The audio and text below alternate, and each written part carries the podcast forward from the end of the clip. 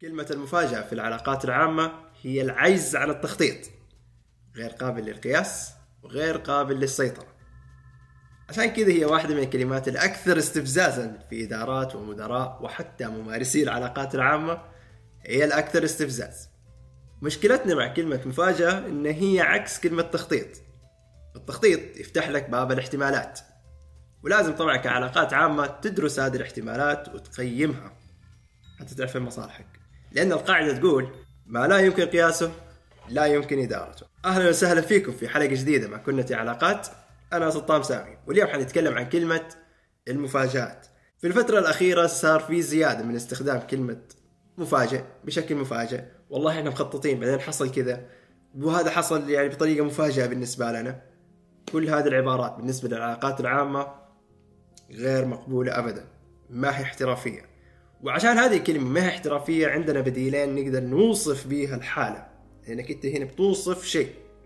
فأنت هنا حتقول لك خططت على الشيء فأنت هنا بتوصف جاهزيتك لهذا الأمر سواء بالقياس والسيطرة. الاثنين مع بعض تدخل فيهم المدة.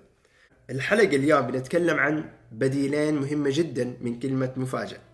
بديل. تسارع الأحداث. واحدة من المفردات المستخدمة جدا في العلاقات العامة مهم إنك تستخدمها. إيش يعني تسارع أحداث فكرته إنك أنت هنا بتوصف حالة ما تقدر تسيطر عليها ولكن قابلة للقياس. في العلاقات العامة نقدر نربطها بالترند سواء في مواقع التواصل الاجتماعي أو الزخم الإعلامي كمسمى آخر في اللغة العربية. اللي بيحصل إنك أنت هنا سيطرتك شوية ضعيفة ولكن تقدر تقيس. تقدر تشوف تقدر تشوف التفاعل اللي بيحصل تقدر تشوف الإيجابيات والسلبيات تقدر تشوف والله حتى الناس تتكلم عنك بطريقة إيجابية أو حتى بطريقة سلبية.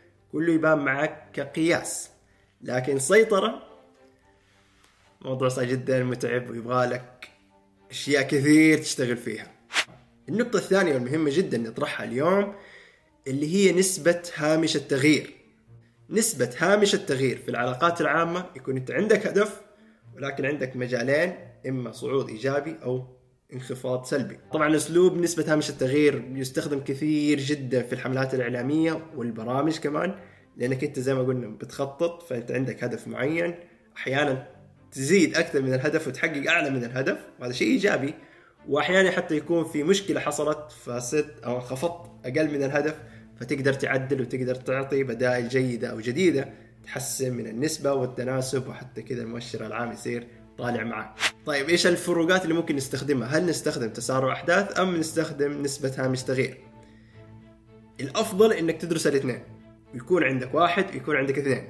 لو حصل كذا إحنا عندنا حلول ولو حصل كذا إحنا عندنا حلول. تسارع الأحداث ونسبة هامش التغيير يعتمد على الموقف. لما تيجي تحلل الموقف تحلل البرنامج اللي عندك تحلل الموضوع اللي تشوفه في السوشيال ميديا هو اللي بيحكم مو أنت اللي تحكم.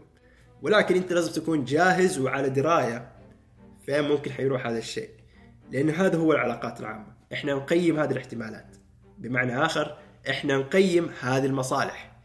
هنا سطام هنا كنا علاقات. استودعكم الله. السلام عليكم.